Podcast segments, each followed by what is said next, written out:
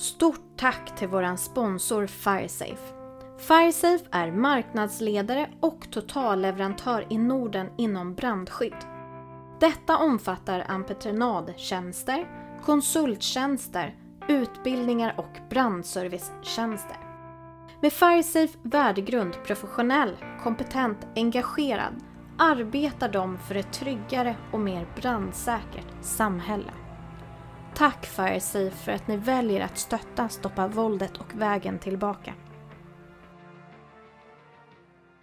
Du lyssnar på Stoppa våldet och vägen tillbaka. Var tionde barn upplever pappas våld mot mamma eller blir själva utsatta. Det är i genomsnitt två till tre barn i varje klass som bär på en omänsklig hemlighet. Både du och jag ska ha rätt till ett liv utan våld. Med Stoppa våldet och vägen tillbaka vill jag sprida kunskapen om våld i nära relation vidare. Jag vill förändra samtalen till er ungdomar men också till oss medmänniskor. Alla kan vi välja att se. Alla kan göra något och det startar med att hjälpa en. I min podcast kommer du att få höra historien om det att leva med våld i sitt egna hem. Intervjuer av vardagshjältar, men också fokus på kroppen, hälsan och hur vi kvinnor kommer tillbaka till livet igen. Livet efter våldet. Thomas, eh, känns jättetrevligt att sitta här en, eh, en sista gång och eh, prata med dig. Eh, vi har ju pratat om både kost och träning. Och du har gett oss otroligt mycket bra tips och hur man kan börja och vad för slags kost som skapar energi och vi har fått väldigt många ja, men tips också om mental träning och så vidare. Och det är jag otroligt tacksam över. Och eh, nu har jag kommit hit idag eh, för att vi ska prata om hur ditt liv var som barn. Eh, och du har ju också varit utsatt för våld. Eh, och det är någonting som berör mig också otroligt mycket. Eh, och, eh, och vi pratade en hel del och du sa att nej men det här är en del som jag verkligen vill dela med mig av. Eh, och jag hoppas att det ska kunna hjälpa någon annan där ute också. Ja, tack. Eh, ja, det, det, är samma känsla för mig. Att jag gärna delar med mig eh, utav det som jag har varit med om för just att kunna få andra att tänka att det, det, det går att fortsätta. Liksom. Att man inte behöver liksom gräva ner sig och, och tycka att det är ens fel, liksom, det som har hänt. Och för min del så började ju redan då, då eh, där jag kommer ifrån. Eh, Thailand som jag föddes. Eh, och då när min eh, mamma träffade min svenska pappa. Eh, och de då, då lämnade mig kvar hos eh, en släkting som tog hand om mig. Och när de försvann då, då, då var jag ungefär fyra års åldern. Eh, den släkten som tog hand om mig då, då släktingen som tog hand om mig, eh, hade en eh, i sitt hushåll då, då, som var väl mer eller mindre lite eh, vad som är, översittare eh, och eh, ja, vad ska man säga, eh, en man som gillade att misshandla svagare individer. Eh, där jag då, då av olika anledningar blev misshandlad av honom. Antingen för att jag var i vägen på något sätt, störde eh, honom. Eh, vissa gånger till och med. Eh, jag menar, som en fyraåring, man, man, man kanske gnäller lite, man behöver hjälp, man Eh, kanske gråter för att man är hungrig eller gråter för att man har gjort sig illa eller någonting. Och man fick inte gråta. Och då fick man mer stryk istället för att sluta gråta. Så fort det kanske, om jag ramlade och jag gnällde, då gav han mig stryk för att jag skulle sluta gråta. Men för varje smäll så grät jag ju mer. Eh, tills han slog mig så mycket för, och jag ville inte ha mer stryk så jag som ett barn kan göra, de harklar sig. Till slut så blir det helt tyst. Eh, och, och, och, det var ofta det hände. De värsta gångerna var väl när jag fick... Han skickade ut mig. Eh, jag hade råkat välta någon matskål när vi åt. och då skickade han ut mig. Eh, för, först kastade han ju maten på mig. Och den tallriken, oftast har man ju de som har lite sämre ställt i terren har ju typ plåt eh, tallrikar och så då, som, för det håller länge och sådär. Eh, går oftast inte sönder. Eh, slänger han eller slår mig med den och sen så skickar han ut mig till eh, ja, typ området bredvid som är lite skogsområde. Eh, att hämta pinnar. Och i det här fallet då gärna pinnar med törnar. Och det tar eh, jag med mig då sen och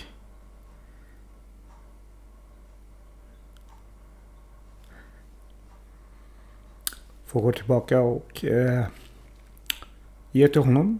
Som han piskar mig med då. Och samma sak där. Ju mer jag skrek desto mer piskar han och säger att jag ska sluta gråta. Att det här är liksom straffet för att man då eh, tappade maten eller vad jag nu gjorde. Jag kommer inte ihåg liksom exakt händelse. Eh, en annan gång så hade jag vaknat mitt i natten. Eh, och det här kommer jag ihåg som en film. Eh, de hade väl lite trevligt nattstund. Men jag råkade vakna. Eh, av det. Sitter med, sätter mig upp och tittar och bara ställer frågan vad gör ni? Och han då hoppar upp, tar en ölflaska, slår det mot mig. Eh, och jag skyddar mig och i den händelsen råkar jag sparka till honom och eh, då när han då viftar till med, med, med glasflaskan så träffar han ju min fot och skär upp eh, typ halva foten då. då. Eh, och jag ligger och blöder. Och eh, min släkting då vill ju självklart hjälpa mig att ta hand om mig. Men hon får inte så hon blir självslagen. Och det var väl lite då jag kände att nu får det vara nog. Så jag sprang ut därifrån mitt i natten och gömde mig. Eh, jag minns inte riktigt vart jag hamnade och så. Eh, men, men jag var borta i alla fall hela natten. Och de kom ju inte och letade efter mig och tog in mig. Utan jag, jag, jag var där jag var. Och sen så senare på dagen kom jag tillbaka och han var borta då. Då, då fick jag ju mat och, och omplåstring då. Och så. Ehm, så det, det är ju sådana, om man säger som jag sa, att det kändes som en... Varje gång jag tänker på det så, så spelar det som en film. Så jag ser exakt hela händelsen. Och det kan man ju tycka ibland att det är lite konstigt en fyraåring kan komma ihåg men det är inte så konstigt när man får sån... Som många pratar om trauma. Trauma är ju i mitt fall att det spelas upp som en film. Varje gång jag liksom får höra någonting som triggar mig att eh, komma ihåg det här. Då spelas den där filmen upp. Om och om igen. Eh,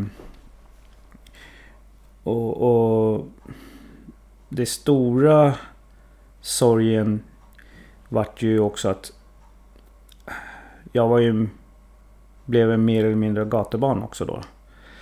Eh, så jag levde ju med några eh, killar som hade ungefär samma eh, Eh, uppväxt. Eh, vissa hade till och med kanske inga föräldrar kvar heller då. Men där, vi, där jag växte upp så eh, var det ganska nära ett tempel och där bodde många sådär, ja, som inte hade någonstans att bo. Och jag började hänga med dem. För att dels under dagen ja, få mat, och, och, och lite umgänge där någon kan ta hand om mig. Och, och, även om vi alla var barn. Men den äldsta var väl runt kanske 13 som tog hand om hela gruppen på kanske 5-6 ungefär. I, från mig då, fyra. Jag tror jag och en till var de yngsta. Och sen var det väl någonstans mellan 8 och 9 också. Och vi var som en liten sån här uh, Rescue Kids som gick runt där i området och eh, letade bland sopor och, och, och eh, bak, ja, gårdar. Eh, till och med typ om man säger snodde mat som låg där då hos grannarna och så här i, i samhället. Lilla byn. Eller byn var ju inte så liten. Jag växte upp i en ganska så här, välkänd eh, ort i Thailand.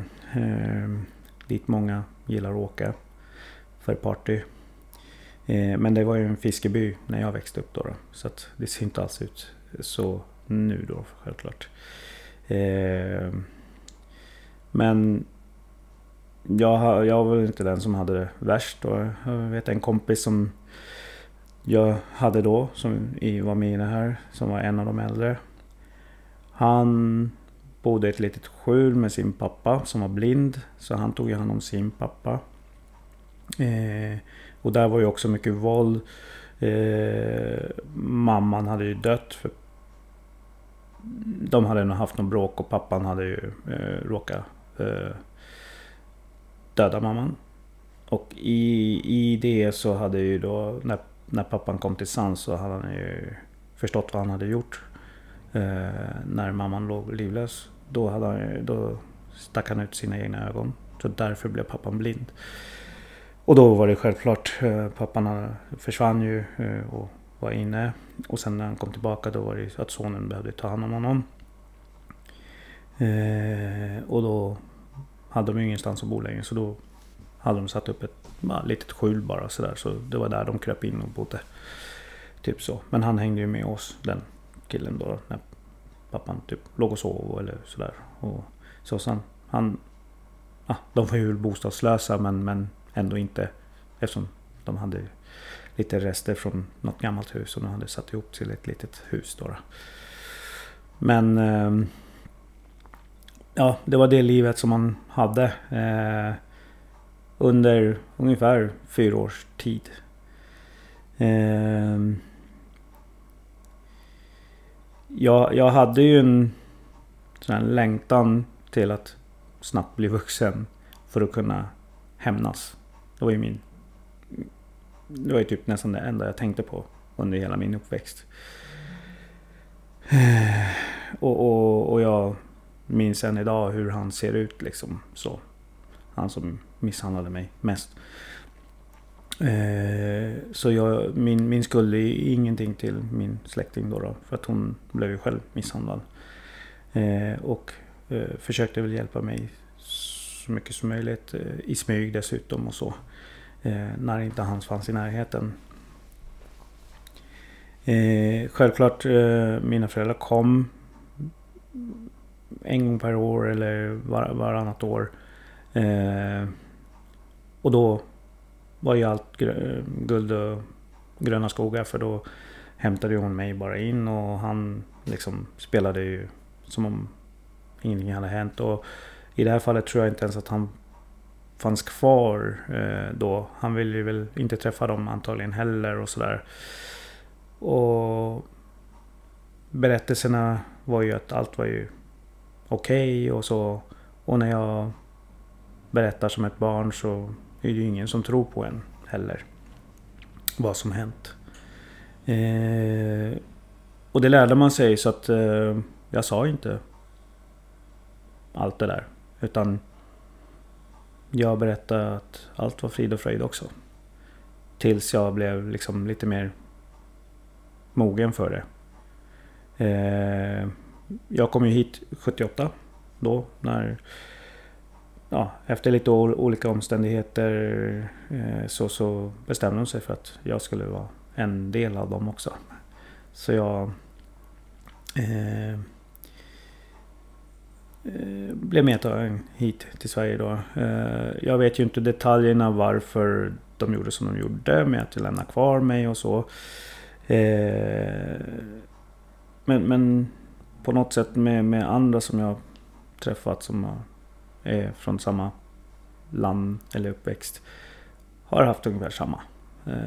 Att man blir lämnad till släkten och så försvinner mamman med den nya mannen iväg. Och ibland så kommer de och hämtar och man får vara med och en del av det nya livet och nya familjen. Eh, och, och, så var det för mig också. Och när jag kom hit så självklart blev det också lite sådär... Eh, för, mig, för, för, min egen del. Eh, kulturkrock då, om man säger så. Eh, jag hade ju inte haft en uppfostran på, på ett sånt bra sätt då. då. Utan jag, jag, visste ju bara att man fick stryk. Eh, det var det enda jag visste någonting om.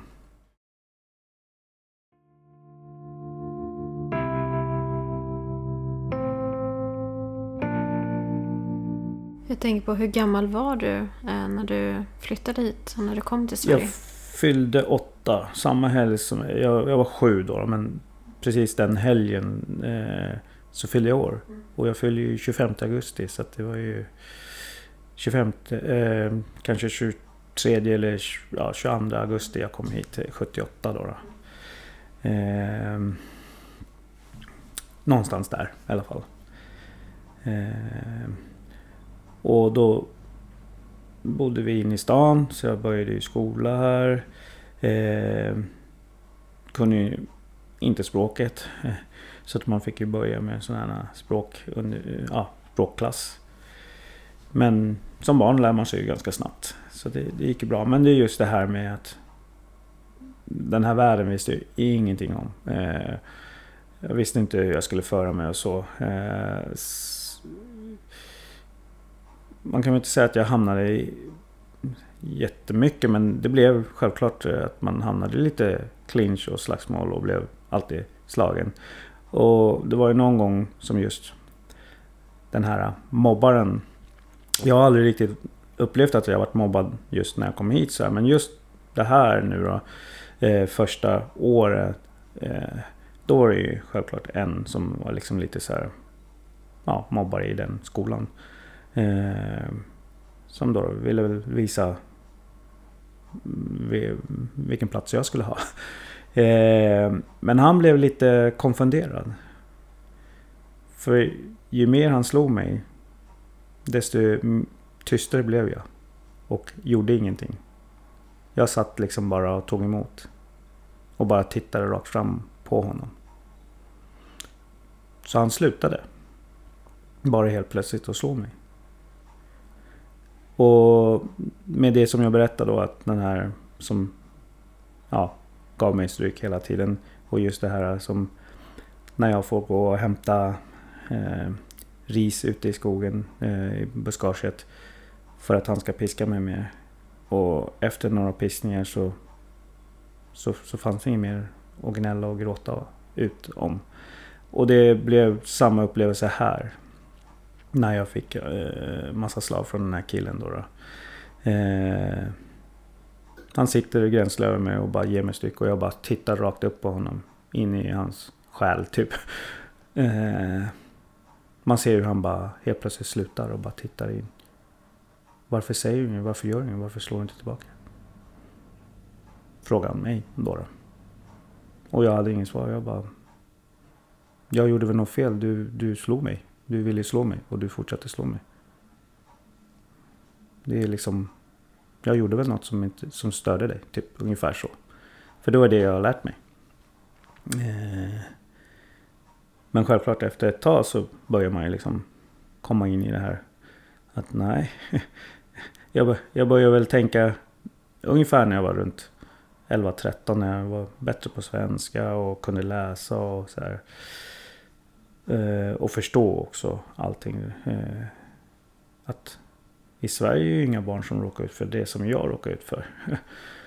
Eh, det är säkert kanske några men, men inte acceptabelt i alla fall. Och det lärde jag mig ju eh, genom just skola och samhället och sådär. Och då började jag ju självklart få de här funderingarna. Liksom, bara, hur var det där egentligen? Eh, varför råkade jag ut för det? Eh, var det mitt fel? Eh, eller vad, vad, varför gjorde han så? Och det blev ju liksom även frågor hemma. Som då, då blev ju liksom direkt taggarna utåt. Att nej, så var det ju inte. Du har inte upplevt det där, det där. Och om du har gjort det så är ju du var ju ett barn. Eh, det är liksom... Du ser det från ett barns perspektiv. Och då... Det som jag sa, det, är bara, det största sveket man... Då, som, som, som jag kände sen. Och det är det här. Det är när jag berättar, när jag väl har börjat förstå vad jag har varit med om. Och vill reda ut det. Med dem man litar på eller älskar eller tror älskar eh, en mest också. Liksom så. Eller tror, jag vet. Liksom så. Men självklart blev det ifrågasättande som, som ett barn då när man är just 11, 12, 13. När man försöker förklara liksom, och vill ha det här stödet, hjälpen, liksom varför och så när de här funderingarna börjar komma. Och få höra det där. Då, då, då känner man ju ett stort svek. Och då på något sätt gjorde jag ju uppror. Eh, och blev själv en lite bråkig kille. Jag var snäll i skolan och så snäll mot vänner och sådär men jag var bråkig mot allt annat som inte, ah, som inte stod mig nära eller som jag inte kände och sådär. Jag blev eh, ja, en som själv började slå. Eh, och jag märkte ju sen att det, den här killen mår ju inte bra. Jag, det, jag vill, det här vill inte jag göra. Det är inte jag. Eh, och, och, och börja även där ifrågasätta mig själv. Och eh, dessutom utslängd då, då på grund av alla de här frågorna, rebelliska, liksom som även många tonåringar kanske är av olika anledningar. Men i mitt fall var det ju kanske bara för att få liksom veta mer. Eller inte veta utan att de skulle veta vad jag hade varit med om. Att de skulle förstå att dels att det var som ett tack att jag är här nu och, att de har tagit hit mig. Men att jag ville ändå berätta. Men de ville inte lyssna. Och även när jag liksom i den svenska delen av familjen upptäcker saker som inte stod rätt till. Eh, och ville förklara det. Eh, var det också att det där är inte sant. Du, du bara hittar på. Och jag liksom ifrågasätter. Jag kan inte hitta på någonting jag ser fakta på. Där jag kan till och med ta fram fakta på vad som har sagts. Vad det tycks om mig och eh, min mamma då, då till exempel. Eh, och det var ju också satte griller i huvudet. Återigen det här eh, tankarna om att det är fel på mig. Då var det väl bättre att jag inte längre fanns.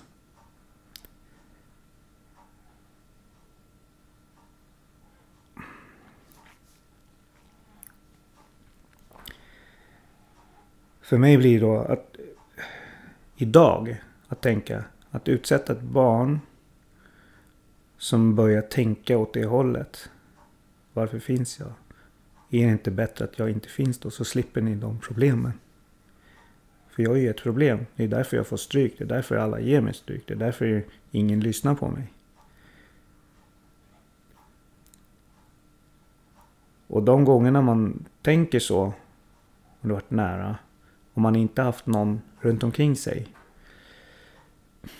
När man stått där utanför stupet eller precis vid kanten och tittar ner. Men får det här ändå så här livs... Jag vet inte, kallet att... Nej, det är inte dags för dig än. Och man backar tillbaka och så börjar man tänka, vad kan jag göra för att jag ska må bättre? Och hur ska jag hitta någon som kanske lyssnar på mig? Och även hur ska jag nå ut till andra som kanske är i liknande situation? Som jag kan hjälpa. Och då kommer vi till där vi är idag.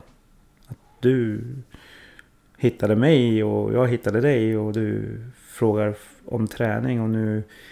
Men, men din eh, liksom eh, egentliga är om just de här sakerna. Eh, det innehållet som du liksom med, med, med, din podd handlar om just det här med misshandel i nära relationer, hur man kommer tillbaka och hur, vad som kan hjälpa och, och, och det är väl just när jag upptäckte själv att det, när jag backade som sagt från, från, från kanten. Eh, det måste ju finnas någon. Det måste finnas folk som ändå vill lyssna eller som, som, som tycker om mig, som inte vill slå mig. Och självklart finns det det, massor. Eh, men man måste själv kanske då vara öppen för det också. Och jag kommer ihåg när jag då då hade bestämt mig för att fortsätta gå på det här jord, jordelivet. Eh, och blev, eh, vad säger lite vuxen ändå. Eh, utan att vara utslängd hemifrån. Flyttat hemifrån då, själv. Och eh, stod på egna fötter ordentligt. Eh, hade jobb och ja, började satsa på de sakerna jag ville satsa på. Bli en både bättre människa och eh, se vad jag kunde göra för andra. Självklart sökte jag fortfarande. Det, man blir en sökare när man har varit med om sånt här. Man, man, man söker efter sig själv, man söker efter vad ska jag säga, bekräftelse från andra också. Att någon ska lyssna, någon ska tro på en. Och, och i mångt och mycket kanske någon som kanske ska bry sig och tycka om en också. För man, man kände sig aldrig omtyckt. Man kände aldrig sig... Dels så här, om jag ska phrasa om. Man kände sig alltid i vägen för någon. För man var rädd att man skulle göra någonting som irriterade så man var, kanske skulle få stryk igen. Eller skulle, och i det här fallet kanske det inte var stryk på det sättet men man blir inte med. Man, man blir utfryst, man får inte vara med, man, man är inte välkommen någonstans. Det var väl den stora rädslan då i det. När man började söka och försöka liksom bli eh, social då med, med folk. För jag, jag, visste ju inte riktigt. För man, man var ju rädd hela tiden. Att säga något nu eller gör jag något nu som kanske jag får stryk. Eh, eller, eller någon tillsägelse eller just det här med att man blir en dålig människa. För att då blir det uttryckligen istället. Eh, och självklart har man själv en stor del i det. För, för som jag är idag så är jag väldigt rak och säger mina åsikter som också kan vara fel och ibland kanske såra folk. Men jag är inte sen på att säga förlåt eller ursäkta och, och, och eh, backa tillbaka och, och, och eh, inse mina, mina fel och brister. Men då som tonåring och nyvuxen då sådär och leta efter bekantskaper och sådär. Då, då fanns den där lilla fyraåringen igen. Eh, rädslan för att liksom just det här, kanske inte få den där misshandeln men, men en annan slags misshandel då. Att inte vara tillräckligt good enough för att vara med och umgås med det här gänget eller de här vännerna. Ja, för det enda, det enda jag tänker att som barn och om man har gått igenom en tuff period eller en lång tid då man känner att man inte känner sig älskad och att man är fel. och Det enda jag tänker en människa vill det är ju bara att få bli accepterad och älskad.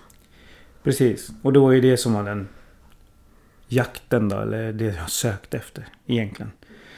Eh, innan jag kom till det stadiet så, så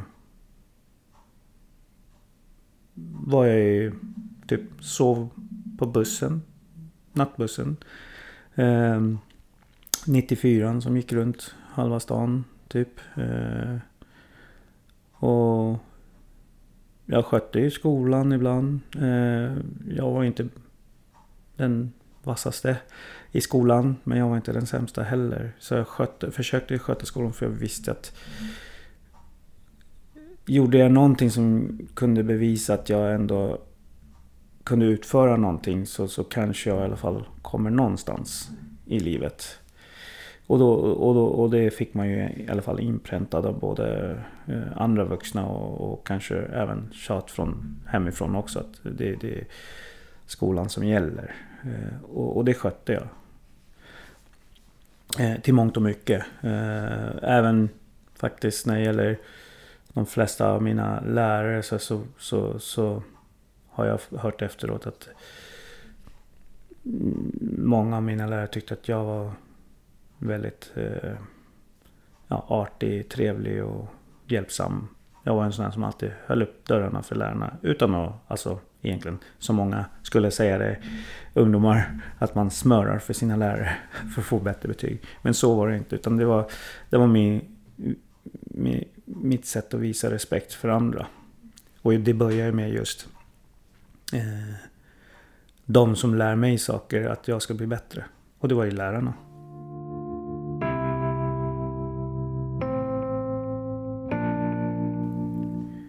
Man hade ju ändå funderingar liksom bara när, när kommer den där smällen? När kommer, när, när gör jag fel?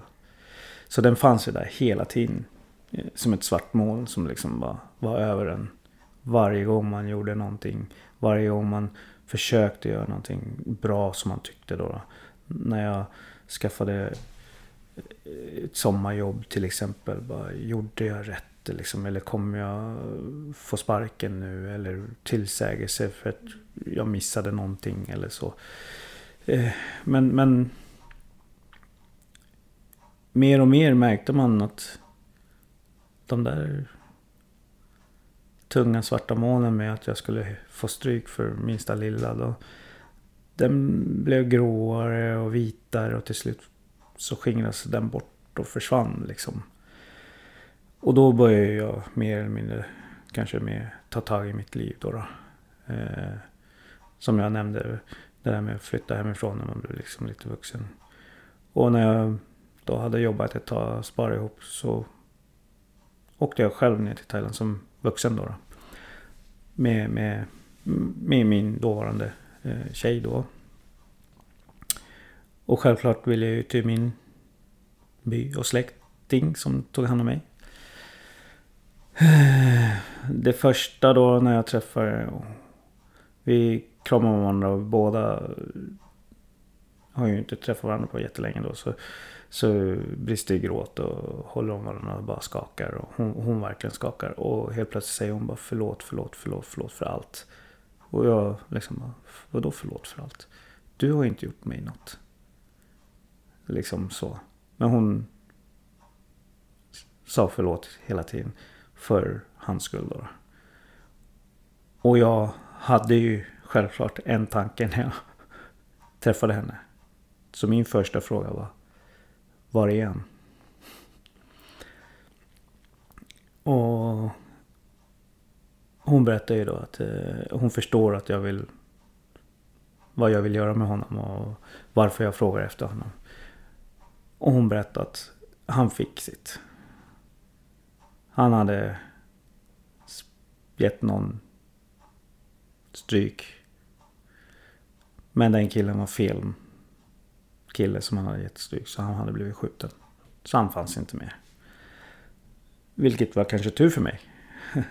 för det var ju mitt mål när jag träffade henne. Det var ju lätta att hitta honom.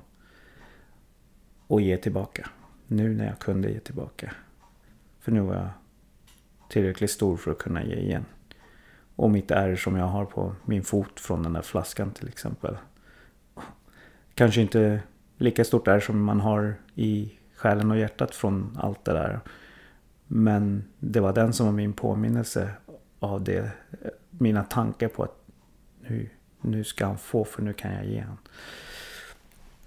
Men i och med att han var borta så bara kände jag att ja, då, då finns inget mer jag kan göra mer än att försöka bättra mig själv.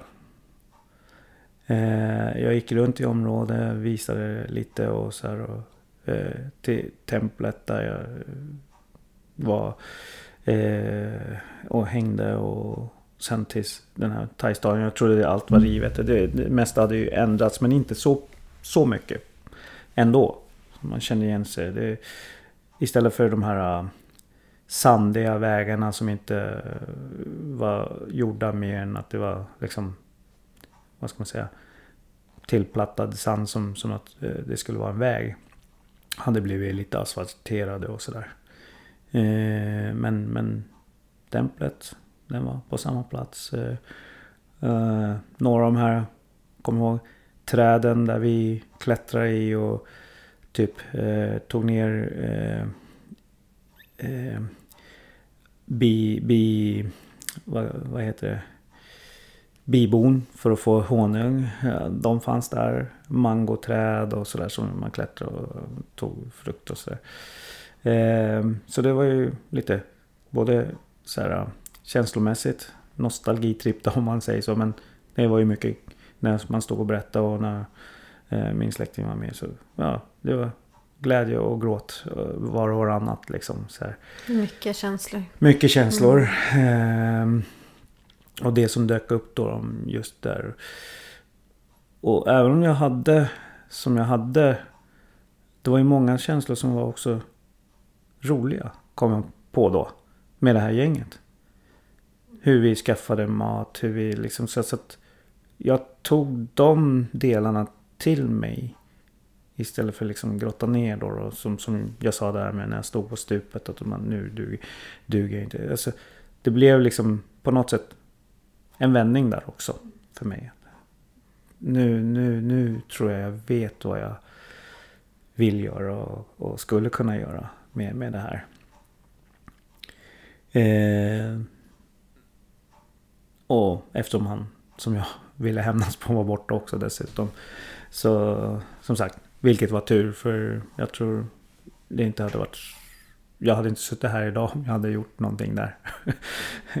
och hade jag varit kvar där i Thailand, Ono, thailändsk fängelse eh, antagligen. Eh, men, men den resan, något som blev väldigt, väldigt stor i all lyckorus. En jättesorg också. Samtidigt som en liksom, glädje av att få återse. Den här killen som jag berättade om som hade tagit hand om sin pappa som var blind. Jag och min eh, dåvarande flickvän sitter i en bar. Och först kommer en liten flicka med massa blommor. Och knackar på och vill sälja. Och självklart, jag ser väl inte thailändsk ut längre. Eh, så. Ehm, så då förstår ju de att ja, där sitter ju en kille med pengar. Så, eftersom han sitter i baren så vill ju sälja rosor. För eftersom jag sitter med en eh, turist som är blond och blåögd också. Så, eh, och jag ser ju liksom när jag vänder mig och ser en liten flicka på typ fem år. Står med en jättebukett som är typ större än henne. och då kommer ju självklart känslorna. Det där är ett barn som jag var. Som försökte överleva dagen. Och det här är hennes liksom levebröd. Så jag plockar fram 500 baht som på den tiden, 92, eh, är ju ganska mycket. Eh, och ger henne. Så hon ger mig hela buketten. Och jag bara, nej, det här är till dig. Oh, och tar bara en ros då, för att ge till min. Eh, eh, och jag sa, det här ska jag ge till dig och din mamma. Och hoppas att din mamma eh, också sparar så att du kan gå i skola. Så. Och hon vart jätteglad och mm, världens största smile. Och jag liksom får ju tårar för som jag känner igen situationen. Eh, men sen så går hon iväg och är jätteglad och då känner jag, ja då blev jag glad. Och sen kommer nästa och ska sälja någonting. Men då får jag en rysning som går i hela kroppen. Typ verkligen. Jag känner igen rösten. Och jag sitter ju ändå med ryggen mot när någon kommer in och bara, typ eh, man hör eller vill sälja någonting så här. Och jag vänder mig om och då ser jag den här killen som jag växte upp med där i det här gänget. Där pappan var blind. Och vi tittar på varandra och han känner igen mig också. Och jag störttjurar ju och han störttjurar och vi kramar varandra.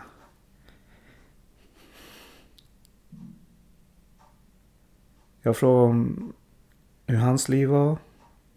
Om hans pappa levde. Hans pappa levde inte längre. Och då... Eftersom han var där han var på platsen så förstod jag att, att han fortfarande levde på gatan.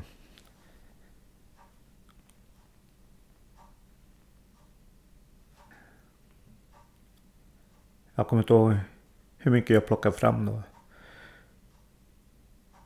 Men det kändes ändå otillräckligt.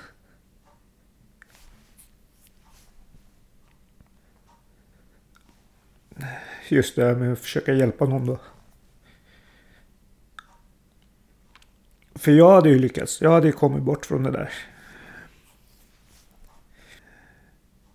Och jag ville verkligen på något sätt se till att han också skulle men jag, kan ju, jag visste inte vad jag skulle göra. Jag tror jag nästan mer än hälften av det jag hade i fickan just då. Det var säkert en 10 000 baht eller någonting sånt. Som som sagt var väldigt mycket på den tiden och är fortfarande det idag. För många av de vanliga arbetarna i Thailand tjänar kanske just precis 10 000 baht eller 5 000 baht. Så i vanliga sådana eh, vad ska man säga matstånd eller eh, små restauranger som är hål i väggen och sådär. Barer. Det är, det, det är deras lön än idag. Eh, per månad? Per månad dessutom, ja.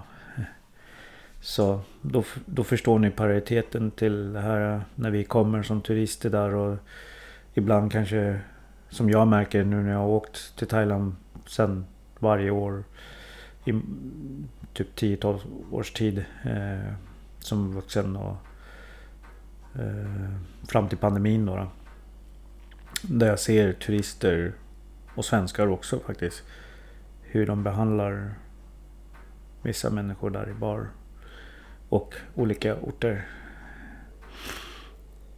Medan jag sitter och blir vän med dem och eh, försöker liksom på mitt sätt hjälpa.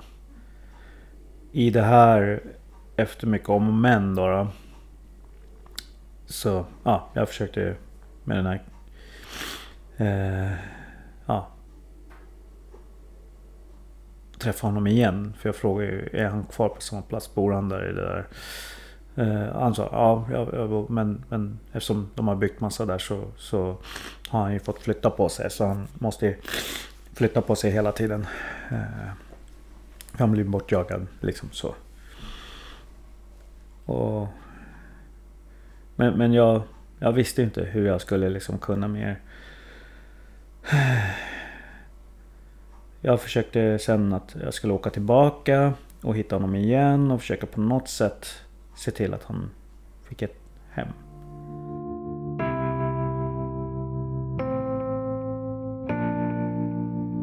Så jag började ju spåna på att grunda någon typ så här organisation för att hjälpa ut sådana som jag själv har varit. Men det tog ett tag. Eh, det blev inte förrän kanske runt 20 10. Och det här var ju 92. Så när jag kom ner eh, första gången efter det där. Det tog också lång tid. Jag tror första gången efter det var 2004 eller 2005. Då åkte jag runt och letade. Men jag hittade tyvärr inte honom. Så tyvärr tror jag att han har gått bort. Så jag inte hittade honom. Eh, blev väl det som gjorde att jag mer och mer började tänka på hur kan jag börja hjälpa och människor och, och själv bli bättre människa. Och då sprang jag ju på det här med som vi pratade om. Att eh, jag var ju duktig på idrott. Eh, jag har ju intresse och tränat länge. Eh, de, de träningarna och de tävlingarna jag gjorde i mina sporter lyckades jag ganska bra med. Så varför inte ta det till en nivå där jag liksom börjar coacha och träna andra. Och samtidigt liksom försöka hjälpa de som har det sämre än mig själv. Eh, och inte kan liksom komma ifrån. Så det fanns liksom både det här hjälpen med vilja hjälpa folk som vill må bra men också hjälpa folk som inte ens är där utan de mår kanske bra men de har inte livskvalitet eller, eller någonting som de kan... Vad man... Jag, jag kan inte hitta ord men istället för att bo på gatan eller skjul att ha någonstans i alla fall mat, eller mat för dagen då. Så. Även om Thailand just uh, finns ju inga som dör av svält. Och har, har inte gjort det på länge, väldigt länge. Då. Uh, men däremot så en bättre standard. Då. Uh, och kunna få så att barnen har i alla fall skolkläder och böcker. För det är inte som i Sverige. I Sverige får vi ju allting gratis. Så är ju inte i de länderna som Thailand bland annat. Det är liksom Du måste köpa dina, din skoluniform. I Thailand har man skoluniform också. Och alla böcker som är till eh, läroböckerna. Det måste föräldrarna köpa. Även om det är kommunala skolor som inte kostar. Så det är mat. Man måste ta med sig mat. I massa matlådor. Och, eh, eh, de som kanske har sett japanska filmer eller asiatiska filmer så ser de när barn går i just uniformer så har de eh, typ så här, ser ut som en höghus eh, som de går och bär på. Och det är deras matlådor. Det är alltså frukost, det är efterrätt, det är lunch, det är eh, kanske någon kaka. Eh, och i och med att i Thailand äter man ju oftast ris och så det kanske någon soppa. Och sådär. Så därför är de byggda i, oftast i plåt och så flera mm. våningar då, då. Och så skolväska. Och det är ju så här, typ portföljer. Eh, I Japan har de ju stora ryggsäckar då, barnen. Men i Thailand är det så här, så här portföljer, svarta oftast. Tjejerna har svarta skor, killarna har eh, typ eh, lite sneakersaktiga eh, skor. Eh, och så eh, beroende på vilken eh, grad av klass så är det olika färger på kläder ibland också. Och det bekostas av familjerna själva. Och bor du i ett skjul, ja, då har du oftast inte de pengarna till det. Och då måste du ut och tigga. Be barnen, mindre syskonen eller innan de går till skolan. Ut och typ tvätta fönster på bilarna i köerna eller sälja rosor. Sälja doftljus eller såna här rökelser som många... Thailand, Thailand är ju buddhistisk i liksom typ 70-80%. Så det är det eh, då eh, mm, som man säljer. Typ så här, eh, blommor för att be till Buddha och sådär. Och sen går de till skolan. Och när jag började då sätta igång det här då tog jag med mig eh, samla in kläder, eh, leksaker så, eh, och pengar samla in själv, spara själv. Eh, för jag visste att många gärna inte ger bidrag i pengar. För att eh, de då vill gärna att det ska vara 90-konton. För att de ska vilja hjälpa till med det. Så då samlade jag själv.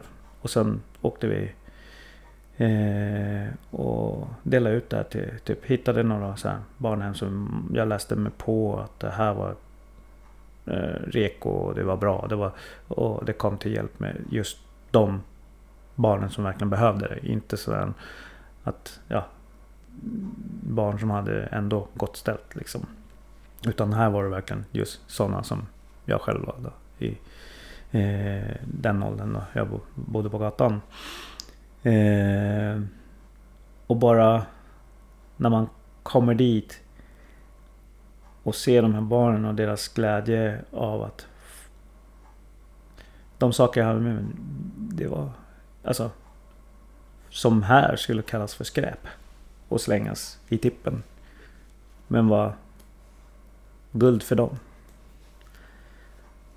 Det är, det är priceless att se barnen glädje och uppskattning. Eh, och då var det också så här va. Tänk om jag hade några som kom och gjorde så när jag var där. Eh, och då kunde jag liksom känna mig själv liksom att nu är jag den som gör det här för de som just är i min sits idag. Så typ tänkte då på min vän där som eh, att det är typ det här är för din skull. Men det höll inte heller så här länge med det här. Dels när jag liksom började promota lite mer. När, med Facebook, med, med liksom gjorde i ordning en hemsida. Eh, kopplade ihop det med lite eh, typ så här, konton för att folk skulle kunna... Eh, liksom, gjorde verkligen en sån här aid eh, eh, version av det. Som man kunde donera och så här. Kanske kommer ihåg 2004, tsunami och allt det där. Den här familjen, eh, några år efter så var det ju en stor katastrof till i Thailand med mycket översvämning och eh, stormar. Då allting blev ju mycket dyrare. Allt elektronik alltså bara sköt i höjden för allt var ju översvämmat. Alla fabriker och allting som tillverkade sånt här som skickades hit till Sverige också. Bland annat hårddiskar. Eh, som kanske bara kostade 500-600 började kosta från 2 till 5000 liksom så. Och de vart ju av med allt. Eh, den här familjen då, som vi hade träffat och så här. Eh, och jag har ju alltid sagt att man inte ska skicka pengar heller och så här. Men, men i det här fallet så bara... Nej, han ringde och sa att de visste inte vad de skulle göra nu för nu var allt borta. Bortsvept. Då skickade jag pengar. Som tur var hade jag ju lagt undan pengar och sådär. Så jag bara... Och det var ju vid juletid. Eh, precis som med tsunamin där med, med juldagen eller vad som hände. Det här var innan jul. Så. Och då ringde hans mamma upp och tackade och var så glad. Och bara att eh, jag, jag verkligen räddade deras liv och sådär. Och då känner man sig igen. Åh, nu har jag gjort något bra. Nu är jag duktig. Liksom så Men de, i det här fallet, då var inte det jag sökte efter.